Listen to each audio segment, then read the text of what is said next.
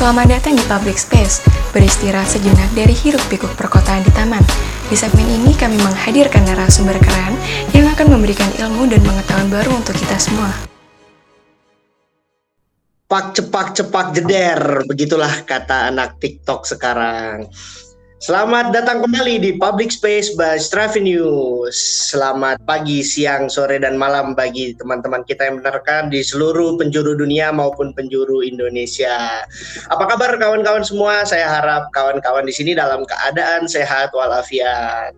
Oke, kita kembali lagi dengan saya Ashar selaku host di Public Space.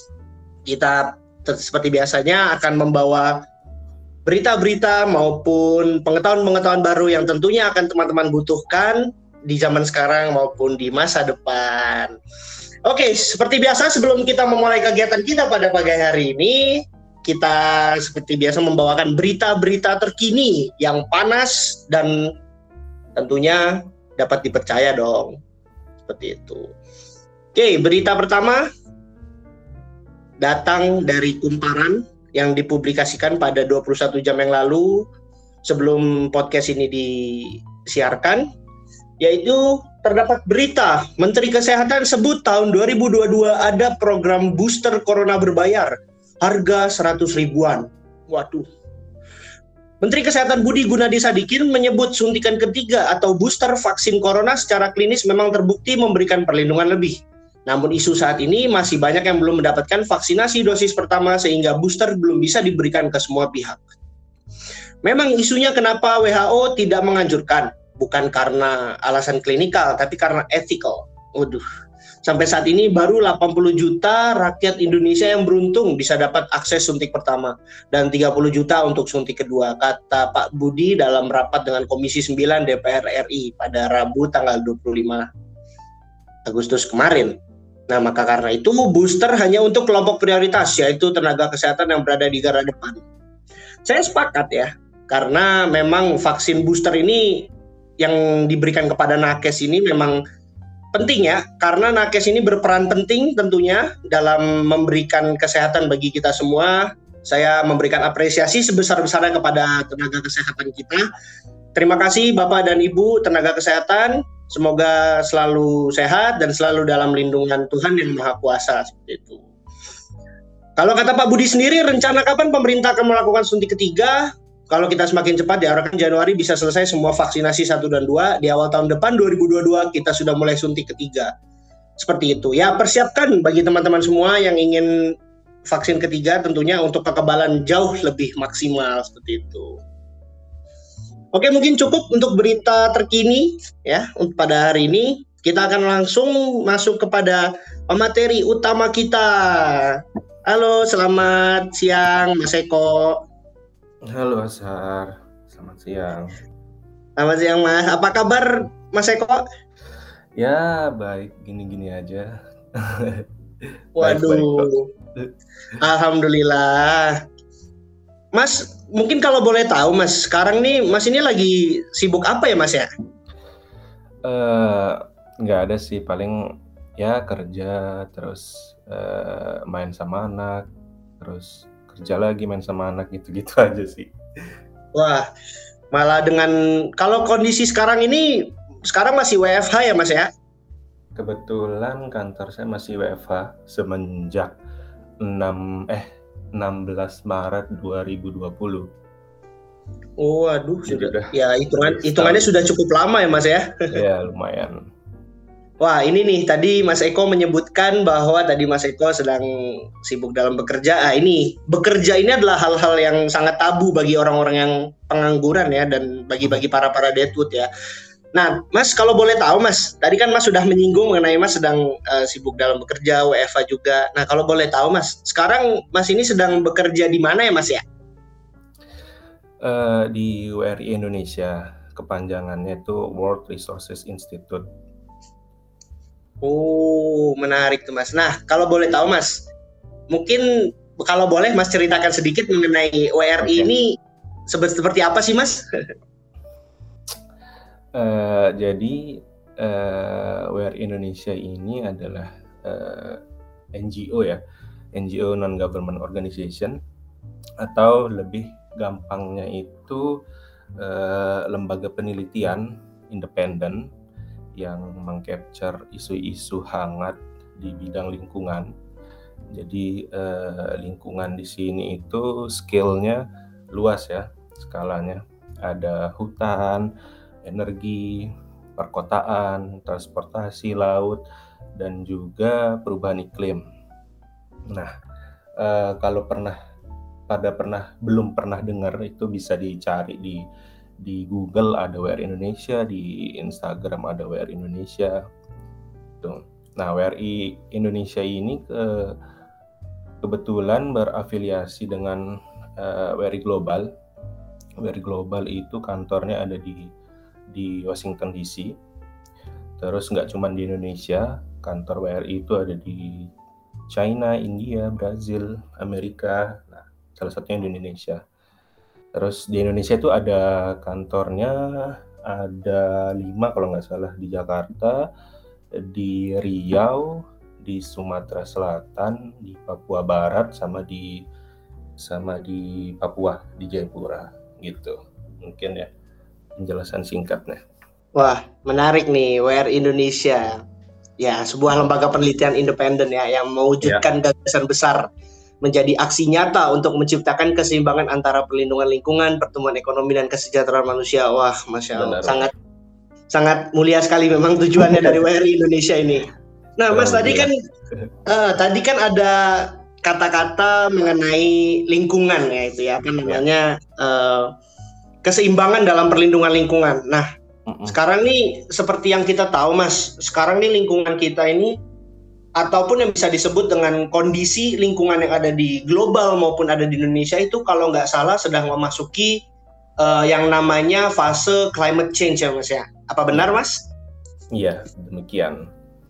Hmm, nah kita di apa kerap kali mendengar climate change. Sebenarnya climate change itu apa ya mas ya?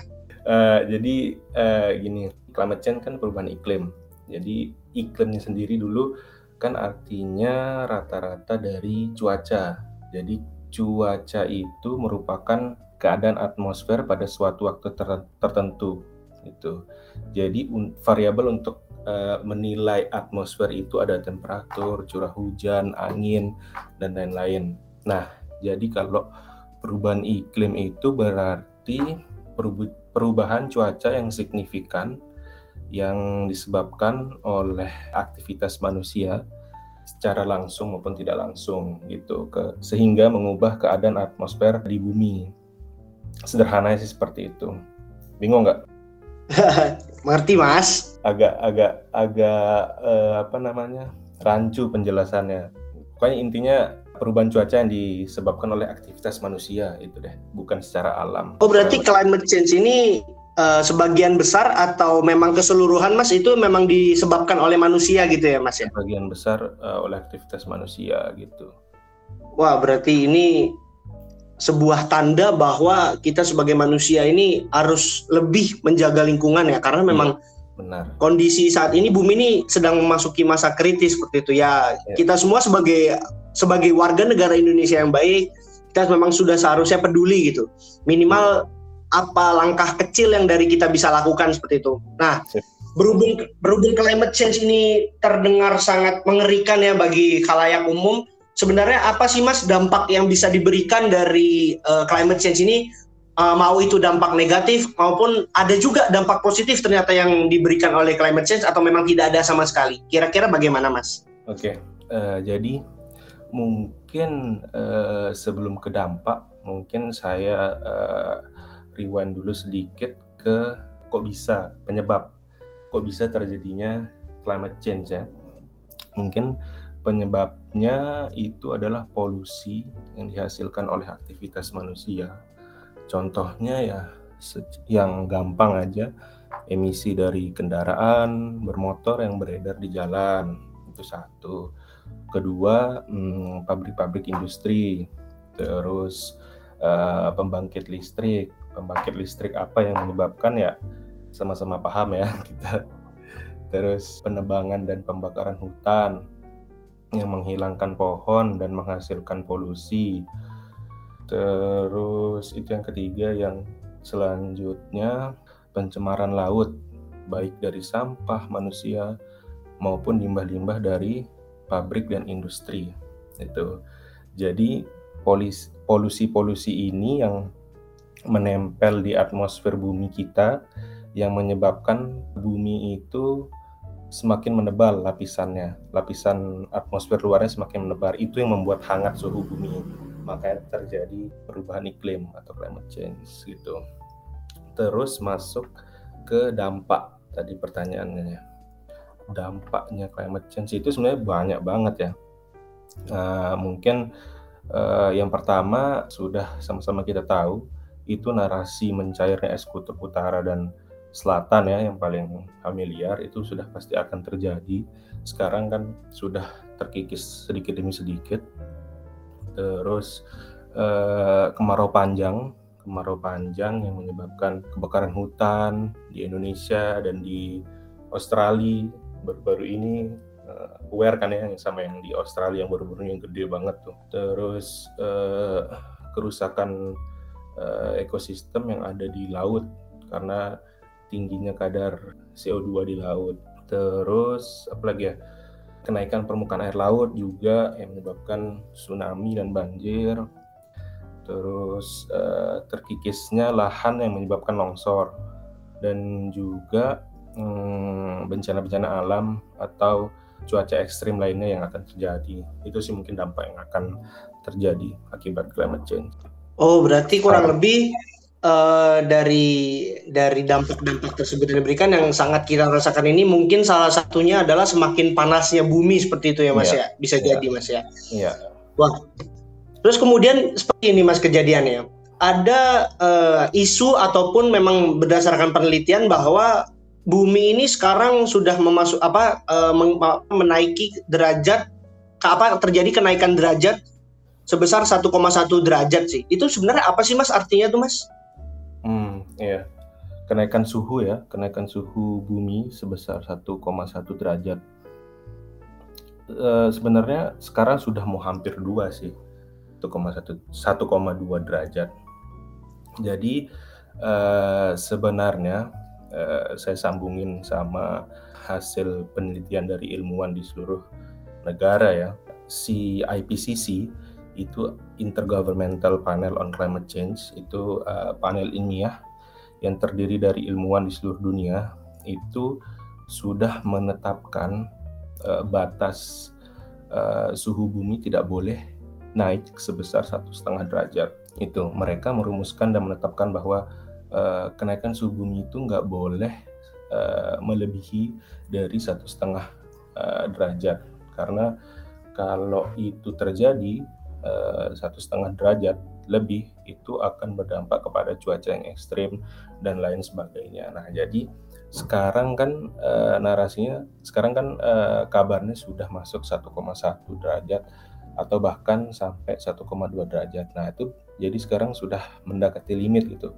Batas dari ilmuwan-ilmuwan di e, yang ditentukan itu kan satu setengah derajat. Wah, berarti dari para ilmuwan sendiri sudah kalau nggak salah sudah memprediksi ya Mas ya kalau misalnya yeah. memang uh-uh. kenaikan suhu bumi ini lampaui batas aman pada tahun 2030 kalau nggak salah ya Mas ya. Iya yeah, benar, benar dua dekade. Waduh, ini sebagai ini aja apa sebagai reminder ya, pengingat bagi teman-teman semua yang masih boros dalam menggunakan energi maupun masih menggunakan kendaraan pribadi, tolonglah. Ini tahun 2000, 2030 kita akan merasa terpanggang di bumi sendiri, tolong. Iya. Terus kemudian seperti ini Mas kejadiannya kan tadi dari uh, para peneliti, uh, para ahli dan akademisi juga sudah memprediksikan. Nah, kemudian kira-kira Mas dari uh, konvensi internasional maupun organisasi internasional seperti uh, United Nation ataupun terdapat juga dari konvensi-konvensi internasional, kira-kira kebijakan apa sih Mas? Atau konferensi apa aja sih yang memiliki pengaruh dalam climate change? Contohnya misalkan seperti terdapat dari uh, United Nation atau PBB sendiri membuat konvensi ya United Nation uh, Framework Convention of Climate Change terus kemudian ada juga mengenai Paris Agreement dan yang lain-lain seperti itu mas nah itu kira-kira kebijakan apa sih mas yang kira-kira bisa uh, mengurangi ataupun meminimalisir dampak akibat dari climate change ini mas jadi emang di di climate change ini banyak ada banyak term atau istilah-istilah atau singkatan-singkatan yang memang banyak buat bingung ya. Saya sendiri pun masih masih banyak belajar terkait ini. Jadi kalau disinggung tadi UNFCCC itu sebenarnya eh, kepanjangannya dulu deh. Kepanjangannya Konvensi Kerangka Kerja Perubahan Iklim eh, dari PBB. Itu sebenarnya apa sih UNFCCC itu adalah kerangka acuan kerja terhadap perubahan iklimnya yang dicetuskan tahun uh, eh, 94 pada saat uh, eh, KTT Bumi di Rio di Rio Rio de Janeiro.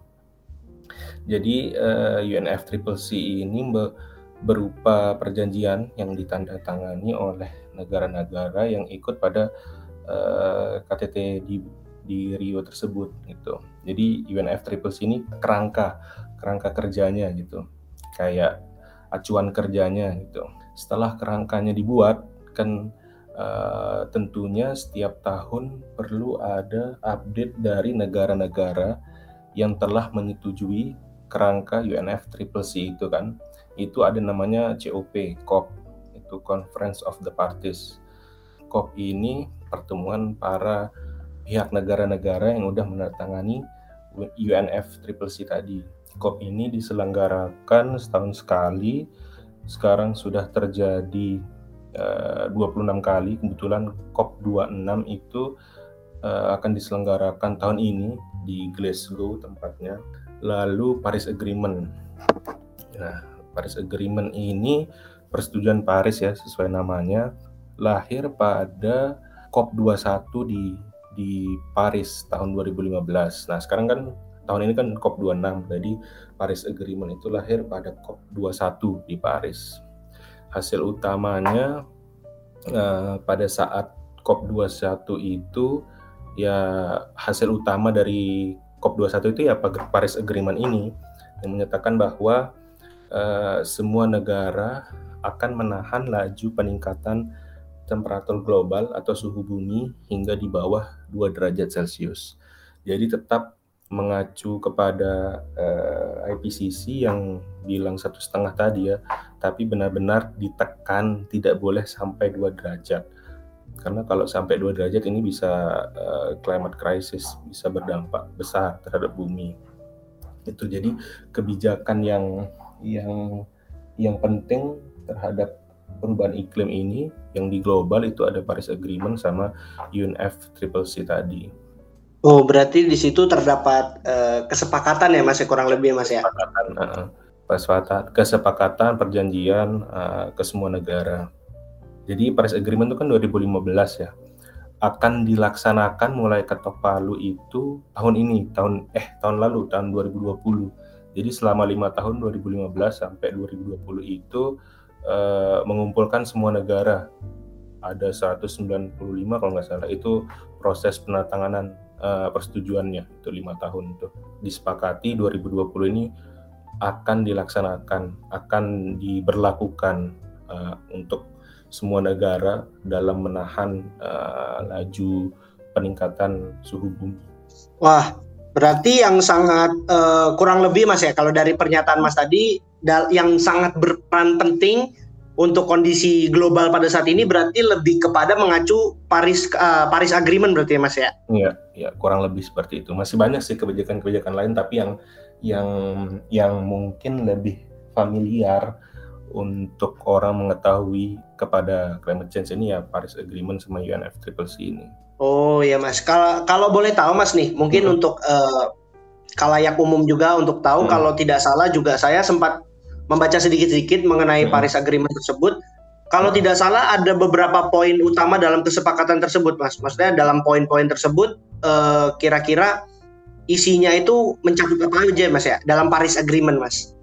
Sebenarnya Paris Agreement itu uh, kan tadi perjanjian antar negara. Pokoknya intinya intinya itu menahan menahan uh, suhu bumi agar tidak lebih dari dua derajat. Nah, kemudian meningkatkan kemampuan untuk uh, ber, beradaptasi terhadap dampak perubahan iklim.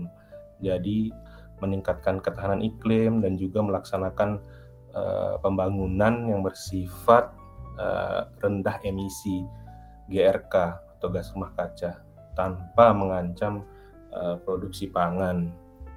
Kemudian uh, aliran finansial yang yang tentunya konsisten demi tercapainya pembangunan. Jadi aliran finansialnya itu harus harus uh, bersifat rendah emisi agar tahan terhadap perubahan iklim. Itu sih dua dua poin utama yang yang saya tahu tentang isi dari Paris Agreement. Wah, berarti memang Paris Agreement ini memang penting sekali, memiliki peranan penting seperti itu. Ya, ya. Nah, terus kurang lebih Mas, kan tadi kan sudah dijelaskan mengenai adanya kebijakan-kebijakan maupun adanya konferensi-konferensi yang kemudian uh, secara global itu dari negara-negara negara-negara tetangga kita ataupun dari negara kita sendiri hmm. menyetujui dan menyepakati bersama bahwa perlu adanya tindakan-tindakan khusus ya mas ya seperti itu dan ada hmm. beberapa poin-poin khusus yang memang ditujukan bagi kita untuk uh, maupun negara Indonesia maupun negara-negara lain tetangga secara global itu untuk menyepakatinya. Nah terus kurang lebih mas dari kebijakan-kebijakan tersebut sampai sekarang ataupun sampai detik ini kira-kira hmm. ada nggak sih mas dampak yang ditimbulkan maksudnya itu dalam artian uh, hasil apa sih yang bisa kita lihat sekarang ini dalam usaha-usaha usaha-usaha apa saja gitu yang sudah dilakukan dari maupun dari pemerintah kita maupun dari pemerintah global maupun dari eh, negara-negara uh, lain seperti itu mas kira-kira seperti apa ya mas? Kalau secara global sih dampak dari Paris Agreement itu perjanjian Paris Agreement itu kan uh, setiap tahun semua negara berkumpul tuh ya di COP itu yang tadi saya jelaskan itu semua negara berkumpul. Jadi di di forum itu uh, semua negara me show off lah terhadap progres apa dari masing-masing negara. Uh, negara Indonesia sudah melakukan apa negara ini sudah melakukan apa. Nah jadi berkorelasi antar antar negara uh, dampak positifnya. Jadi kan sama-sama bisa mengkontribusi aktif dalam menekan suhu bumi supaya tidak uh, meningkat lebih dari satu setengah sampai dua derajat. Itu mungkin ya dampak dampak dampak yang sudah terasa itu kalau dari pemerintah Indonesia itu mungkin sudah mulai diberlakukan mobil listrik ya. Mobil listrik mungkin beberapa beberapa perusahaan sudah membuat mobil listrik kayak Bluebirds uh, di Jakarta. Sepengetahuan saya sudah ada taksi yang yang mobil listrik itu uh, jelas ada ada peran dari pemerintah juga dalam menekan itu. Kemudian energi baru terbarukan itu sudah mulai digodok bersama PLN. Kemudian transportasi umum itu kan semak, sekarang semakin uh, gencar ya untuk mengurangi dampak laju dari perubahan iklim ini. Wah, berarti memang istilahnya kalau misalkan bisa kita uh, katakan ini adalah berlomba-lomba dalam mengejar kebaikan seperti itu ya Mas ya. Dan tapi istilahnya ini juga kita gengsi gitu ya antar negara ini gengsi juga dalam uh, memaparkan progres dari bagaimana sih cara kita mengurangi climate change seperti itu ya Mas ya. Sebenarnya kalau dibilang gengsi enggak sih enggak sih ya mungkin saling berkolaborasi gitu misalnya dari pemerintah uh, katakanlah Jepang atau Cina butuh apa dari Indonesia? Mungkin uh, butuh data apa? Mungkin saling berkolaborasi gitu mungkin. Kalau kata gengsi mungkin kurang tepat ya. Mungkin saling berkolaborasi lah antar negara untuk mencapai satu tujuan tadi. Oh, oh berarti saya tarik kembali berarti. Ya berarti ini adalah suatu kolaborasi global seperti itu ya, mas ya? benar. Nah terus kemudian seperti ini mas kejadiannya. Kalau mungkin bisa kita tahu ataupun uh, kepada umum tahu juga kira-kira kondisi existing atau kondisi aktual maupun faktual kondisi bumi kita ini sudah sampai man, sejauh mana dan separah mana ya mas ya parah atau tidak parahnya sih saya tidak Eh, tidak berani mengklaim ya, tapi dipastikan itu climate change is real. Jadi ya seperti yang saya jelaskan tadi dampak-dampaknya apa aja, banyak kejadian alam atau bencana alam yang aneh yang terjadi. contohnya yang tadi saya sebutkan kebakaran hebat di Australia itu kan sebenarnya kebakaran ini kan domino effect kan dari manusia yang membuat jadi bisa menghasilkan kebakaran juga yang disebabkan oleh alam kan akibat climate change ini. Kemudian banjir di Cina dan di Jepang. Terus hal aneh lainnya itu salju turun di Brazil. Itu kan hal yang jarang terjadi kan salju di Brazil. Kemudian kejadian alam lainnya lah. Itu ya karena climate change. Sebenarnya itu udah udah mencapai uh, hampir mencapai batas limit ya yang ditentukan tadi udah udah naik 1,2 derajat sekarang. Waduh, ini kita ini kok semakin takut ya apa namanya kita hmm. sudah sebagai manusia sudah seharusnya takut bagaimana efek-efek yang akan diberikan kepada kita hmm. di iya. masa depan gitu ya. Mungkin orang nggak nggak aware kenapa uh, mungkin banyak yang berpikiran ah ini bencana alam biasa, bencana alam yang mau bilang apa. Nah, tapi kan bencana alam itu terjadi karena adanya perubahan iklim, makanya terjadi uh, bencana alam yang yang yang tidak pernah terjadi atau jarang terjadi itu bisa terjadi gitu lah. Saya, saya juga kadang-kadang ini masih sering mendengar ya mas, apalagi saya mungkin sering mendengar di berita-berita ataupun di mungkin platform-platform lain seperti platform berita itu. Yang kemudian mengatakan bahwa ada orang-orang juga yang masih belum percaya adanya climate change. Kayak dia tuh sangat anti kepada climate change itu saya masih heran sih kepada orang-orang seperti itu. Bahwa kita tuh sudah dihadapkan pada kondisi aktual bahwa e, begini loh ini loh kondisi sekarang ini kita begini dan faktanya dan berdasarkan data yang diberikan oleh peneliti maupun akademisi pun juga sudah jelas seperti itu bagaimana kita masih uh, masih bisa menghindari fakta seperti itu ya kan itu menurut saya sih sangat disayangkan sekali ya mas ya. Yeah. Terus kemudian eh, bagaimana sih kira-kira apa ada gitu solusi mengenai masalah ini maksudnya solusi mengenai climate change ini kira-kira adanya renewable energy ataupun energi terbarukan terus juga mungkin kalau dari tadi Mas sudah menyinggung mengenai adanya kerjasama pemerintah Indonesia dengan PLN juga ataupun kalau tadi saya tidak salah dengar mengenai mobil listrik juga sudah ada. Nah, itu kira-kira gimana kalau menurut Mas? Itu skala besar kan ya, energi baru terbarukan, mobil listrik itu kan skala besar yang bisa digodok oleh uh, pemerintah dan dan uh, stakeholder lainnya ya. Jadi mungkin yang pengen malah yang menarik itu solusi-solusi atau yang bisa kita kerjakan skala kecil yang bisa kita lakukan sehari-hari gitu. Mungkin gunakan alat transportasi umum gitu kan, kurangi transportasi pribadi gitu.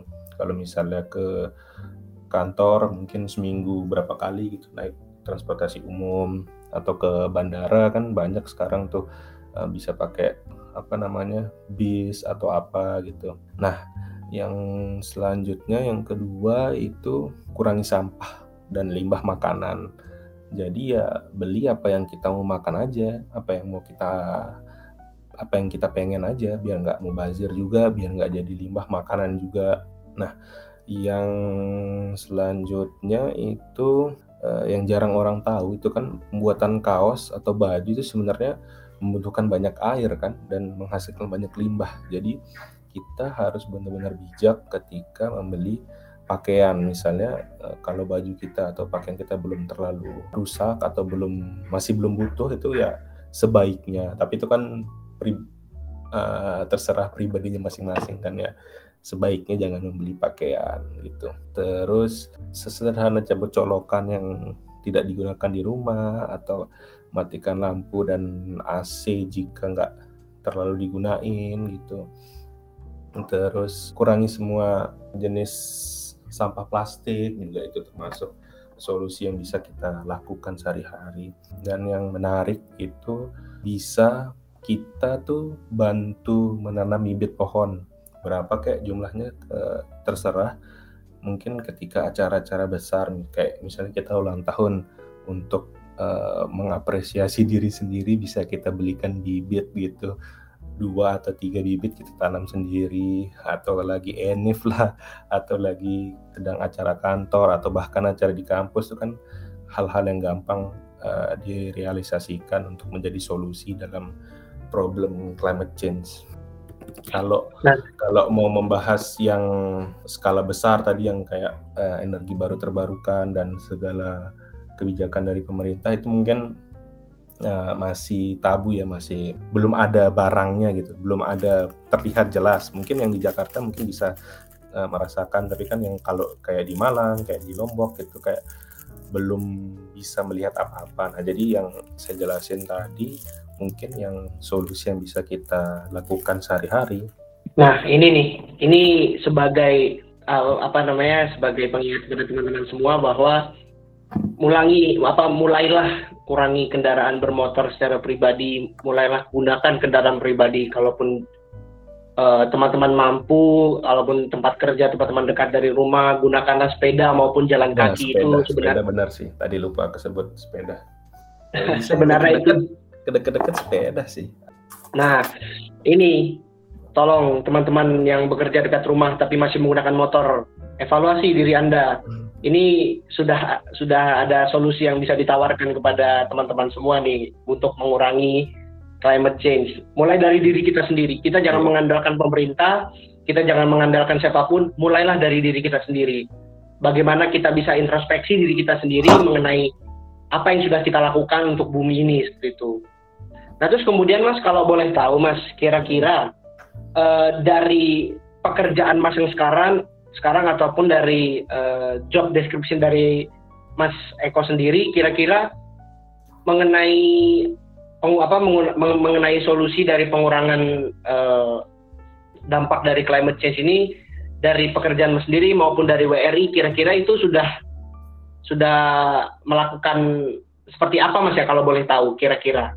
Maksudnya itu dalam artian uh, dari perusahaan Mas sendiri ataupun dari pekerjaan Mas sendiri secara pribadi itu bagaimana Mas ya kira-kira hmm. untuk mengurangi dampak ini?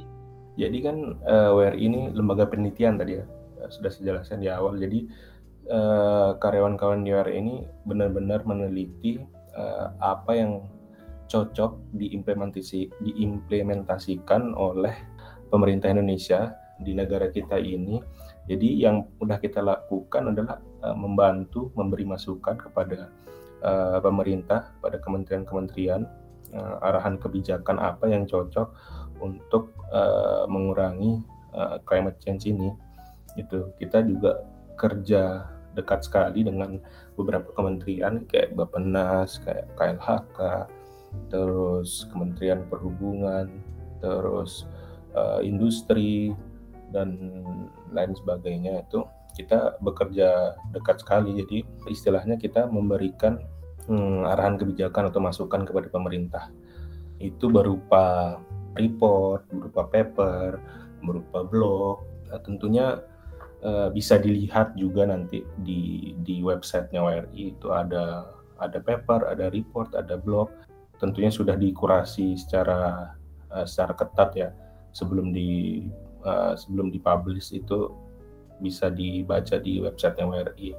Oh ya Mas, ini mungkin uh, mengenai substansi uh, pembahasan mengenai climate change ini kurang lebih ada satu lagi yang ingin saya tanyakan. Uh -uh. Ini mungkin mengenai penasaran saya, penasaran juga bagi teman-teman khalayak umum. Nah, kurang lebih kan kalau nggak salah dari Indonesia dulu ya, dulu kalau saya sempat baca berita ada wacana mengenai pembangunan dari PLTN ya Mas ya. Nah dan juga banyak negara-negara yang sudah ada eh, PLTN juga gitu sebagai dasar apa namanya pembangkit energi mereka kurang lebih. Nah terus kemudian kira-kira mas dari PLTN sendiri ini sebenarnya itu malah memperparah lingkungan atau memang sebenarnya menyelamatkan lingkungan kita? Melihat dampaknya dari PLTN sendiri ketika terjadi kebocoran itu malah semakin parah gitu malah uh, dalam radius dalam radius tertentu oh kalau terjadi kebocoran itu malah semakin uh, merugikan seperti itu. Itu sebenarnya ya. PLTN ini menguntungkan atau sebenarnya merugikan kita, Mas? Ya, uh, sebenarnya PLTN ini banyak pro dan kontranya ya. Bagi si stakeholder yang ingin membuat PLTN, tentunya bagi mereka uh, ini sangat bermanfaat ya untuk menghentikan sumber energi fosil ya. Tapi di satu sisi ada juga yang berpendapat eh, bahwa PLTN ini tidak jauh lebih baik daripada batu bara atau energi fosil lainnya. Jadi Sekarang sih posisinya masih ada pro dan ada kontra, tergantung kita mau melihat dari sisi mana. Kalau saya pribadi sih menunggu lebih jelasnya bagaimana kajian dari PLTN ini sih. Nanti ketika ini sudah mulai jelas baru berani berkomentar lebih jauh gitu. Tapi sebenarnya sih sedikit setuju gitu uh, bahwa PLTN ini bisa digunakan untuk uh, mengganti energi fosil atau batu bara itu. Jadi kan lebih lebih untuk menimbang mana yang lebih lebih bermanfaat PLTN atau PLT batu bara itu masih belum belum menemukan jawabannya sih kalau saya. Kalau kalau menurut saya sendiri sih memang benar ya Mas ya masih rancu juga melihat uh -huh kalau misalkan memang kita melihat dari sisi ekonomi sendiri itu jatuhnya malah uh, lebih efektif ya karena memang dia itu dalam dalam suatu PLTN sendiri itu dia bisa membangkitkan listrik itu selama kurang lebih bisa satu tahun dua tahun kurang lebih ya itu dengan energi yang cukup sedikit. Namun di satu sisi kalau misalnya memang kita melihat dari sisi lingkungannya ketika terjadi kebocoran yang tadi saya sudah uh, singgung sedikit itu malah merugikan dan jauh lebih merugikan karena memang kita harus mengevakuasi itu benar-benar nggak boleh ada manusia melakukan kegiatan hmm. maupun aktivitas aktivitasnya di sekitar radius tersebut seperti itu mas. Jadi masih banyak hal yang kontradiktif gitu ya mas ya. Benar, benar. Nah, Kalaupun ini, akan dibangun kan harus uh, jaraknya itu harus jauh dari permukiman kan. Nah itu apakah sudah ada apa belum uh, lokasinya di Indonesia kan harus dikaji lagi kan. Iya mas, kita kalau berbicara di Indonesia sendiri memang banyak sekali gitu ya, banyak sekali eh, pendapat-pendapat maupun paradigma-paradigma yang kemudian kita belum masih belum bisa uh, kita gunakan gitu ya mengenai PLTN ini di Indonesia. Kalau menurut saya secara pribadi mas ya. Ya, ya terus kemudian uh, tadi kan Mas sudah menyinggung mengenai dari WRI sendiri, uh, uh, dari perusahaan WRI ataupun dari pekerjaan Mas sendiri itu sudah menyediakan yang namanya uh, jasa produk seperti reporting, uh, penelitian ataupun kira-kira kalau survei mungkin ada yang masih dari WRI mas? Hmm, survei sih nggak ada ya tergantung proyeknya apa nanti biasanya sih uh, kita melakukan survei sendiri tergantung dari proyek yang masuk itu apa. Oh iya mas, kira-kira selain reporting ataupun uh, penelitian seperti itu ya yang tentunya juga uh, membutuhkan apa namanya usaha effort yang lebih. Terus kemudian kira-kira ada lagi nggak mas selain itu mas? Yang mungkin kita perlu tahu mas?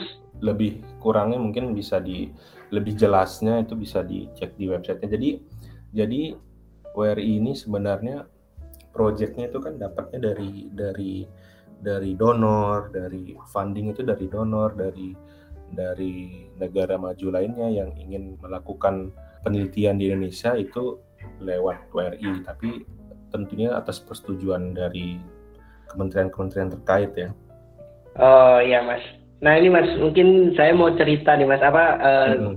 saya mau apa namanya sedikit apa namanya membahas mengenai cerita-cerita mas dalam pekerjaan sendiri itu kira-kira ada pengalaman unik ya sih mas? Misalkan kayak ketika meneliti uh, me, apa menemukan gitu perhitungan-perhitungan yang agak sedikit uh, rancu ataupun apa kira-kira ter sehingga terjadi apa namanya misalkan contohnya kan kita sebagai manusia tidak pernah luput dari yang namanya miscalculation ya ataupun yang uh, kesalahan perhitungan ataupun pengalaman-pengalaman unik lainnya dalam uh, pengalaman mas bekerja kira-kira ada nggak mas kira-kira pengalaman unik seperti itu mas? Hmm. Kalau kalau salah-salah uh, info apa miscalculation itu tentu ada tapi kan sebelum bahan yang kita teliti atau report yang kita tulis itu akan dipublish atau akan dikirim ke pemerintah sebagai bahan masukan. Itu itu kalau di WRI kurasinya itu sangat ketat reviewnya itu sangat ketat. Dimulai dari tim satu tim dulu. Satu tim membaca semua kalau ada yang salah di di, di digarap ulang. Nah setelah approve di satu tim yang sama itu berlanjut ke manajer ke tim komunikasi apakah bahasanya bisa di bisa dibaca bisa dicerna dengan baik. Setelah terakhir dari tim komunikasi itu beberapa ada yang dapat persetujuan dari uh, di global dulu. Kita kirim ke WRI global dulu apakah ini isunya bisa diterima apa tidak. Nah baru terakhir dari direktur WRI sendiri. Nah jadi kalau misalnya miskalkulasi atau salah persepsi dari info yang kita dapat tentunya ada tapi tapi tidak sampai keluar ya tidak sampai keluar di luar WRI karena uh, reviewnya sangat ketat. Jadinya apa yang keluar di website WRI blog blog report tuh pasti sudah uh, sudah terpercaya lah sudah uh, sudah oke okay produknya gitu sebenarnya yang Wah. yang unik sih nggak unik sih ya. Uh, pengen cerita sedikit mungkin uh, bisa menggambarkan suasana kerja di WRI untuk teman-teman yang lain. Itu sebenarnya kerja di WRI kantornya itu mirip-mirip di di startup startup itu. Jadi nggak nggak nggak terlalu kaku. Terus kalau kerja pakaiannya bebas tapi bebas tapi asal rapi ya. Mau pakai kaos boleh mau pakai celana jeans mau pakai jaket jeans itu boleh. Yang penting rapi gitu. Nggak ada absen juga jadi datang ke kantor ya nggak ada waktu tertentu. Jadi mau izin kerja nggak di kantor juga fleksibel. Tapi tentunya yang paling utama kan output dan outcome-nya kerjaannya tercapai. Gitu sih. Nah kalau misalkan memang tadi uh, dari Mas Eko sendiri tadi kan sudah mengatakan bahwa apa namanya terjadinya review yang ketat kemudian uh, adanya pengawasan gitu ya. Jadi tidak terjadi uh, miscalculation seperti itu ya. Jadi hmm. terdapat evaluasi-evaluasi yang mendalam yang kemudian menjadikan report ini sangat berkualitas. Berarti memang ya, sangat berbeda sekali ya mas ya dengan saya sebagai mungkin kondisinya sekarang ini masih menjadi mahasiswa nah itu ya. Hmm. Kemudian yeah. kalau misalkan memang kalau dari saya sendiri mas terdapat uh, mungkin sedikit uh, cerita unik juga dulu sempat saya hmm. sempat pada semester kemarin itu sempat membahas amdal ya itu ya dan yeah. sebagai tugas kuliah saya ini saya harap semoga dosen saya tidak mendengar podcast ini saya juga sering dulu mendapat info-info yang banyak terus kemudian saya juga dulu kan sebagai mahasiswa karena masih melatih uh, yang namanya saya menganalisa terus kemudian meneliti seperti itu saya mendapatkan banyak info dan banyak angka-angka. Waduh itu saya sangat bingung sekali karena saya sangat bingung bagaimana cara mengolahnya terus kemudian dalam satu laporan wah itu saya langsung masukkan saja semuanya. Jadi hmm. waduh yang penting yang penting laporan saya selesai. Semoga dosen saya tidak mendengar ya. Mohon maaf bapak dan ibu itu hmm. Sedikit kekhilafan saya semoga saya bisa memperbaiki di masa depan. Iya. Oke mas. Kalau kalau di level kuliah sih mungkin saya juga melakukan hal yang sama ya.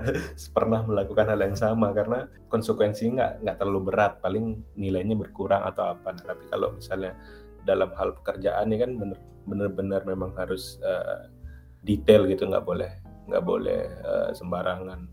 Ya proses sih pada saat kuliah juga mungkin saya se sembrono itu mungkin malah bisa dibilang lebih mungkin mendapat tugas asal kopas lah apalah tapi kan semua proses kalau uh, dikerjakan nggak nantinya kan nggak nggak se nggak bisa seperti itu. Nah benar kita harus benar-benar menghargai proses itu hmm. mas ya. Hmm. Nah uh, mungkin kejadian seperti ini mas. Kan sekarang ini banyak orang yang masih ingin mencari kerja ataupun sekarang masih menjadi pengangguran ataupun menjadi uh, detut atau pengangguran seperti itu. Hmm.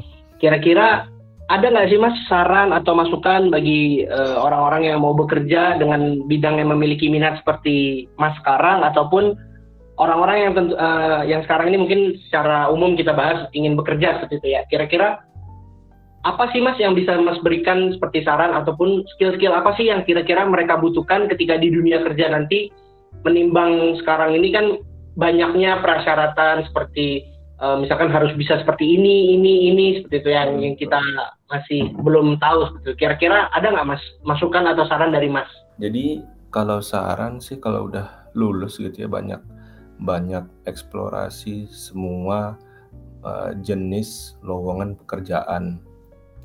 Uh, saya ambil contoh ya misalnya kan biasa kan kalau di anak PWK nih biasa kan di di grup angkatan atau grup grup alumni itu kan uh, biasanya beredarnya uh, jarkoman atau sharean kerjaan di di kementerian, di Pemda atau paling banyak kan yang di, sebagai konsultan gitu kan ya.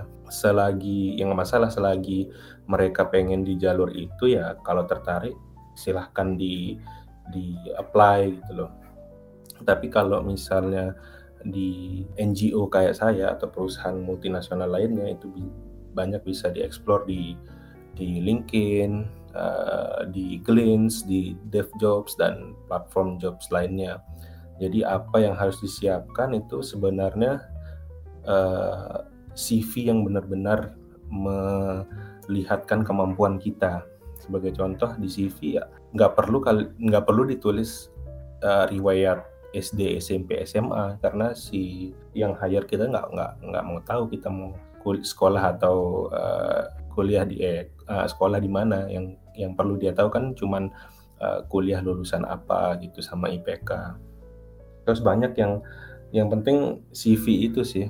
CV dan dan kalau misalnya lagi-lagi bahas contoh anak PWK ya. Anak PWK kan, banyak yang bisa GIS ya. Nah itu itu sebenarnya poin plus bagi uh, anak PWK untuk bisa mendapatkan kerja. Karena kan jarang tuh yang yang bisa GIS itu banyak yang butuhin juga. Jadi ya banyak-banyak eksplorasi semua jenis pekerjaan sih. Nggak nggak harus di pemerintah atau di konsultan gitu.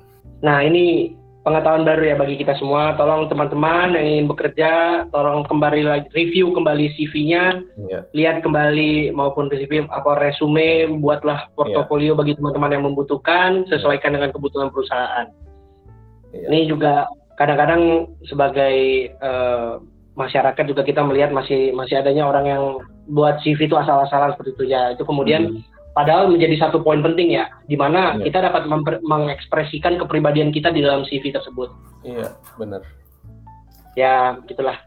Mungkin terima kasih Mas Eko. Sebenarnya uh, lagi LinkedIn LinkedIn oh, ya. itu jejaring yang sangat sangat luas ya sebenarnya kalau misalnya ingin itu enggak itu nggak perlu men mengapply juga biasanya kan orang kalau cocok profilnya kan pasti akan di, dipanggil lewat via LinkedIn itu jadi maksimalkan platform itu selama bisa masih ada yang free-nya itu bisa dimaksimalkan sebaik mungkin sih uh, buat buat diri anda atau jualan di LinkedIn itu supaya si yang hire ini bisa bisa menghubungi gitu sih.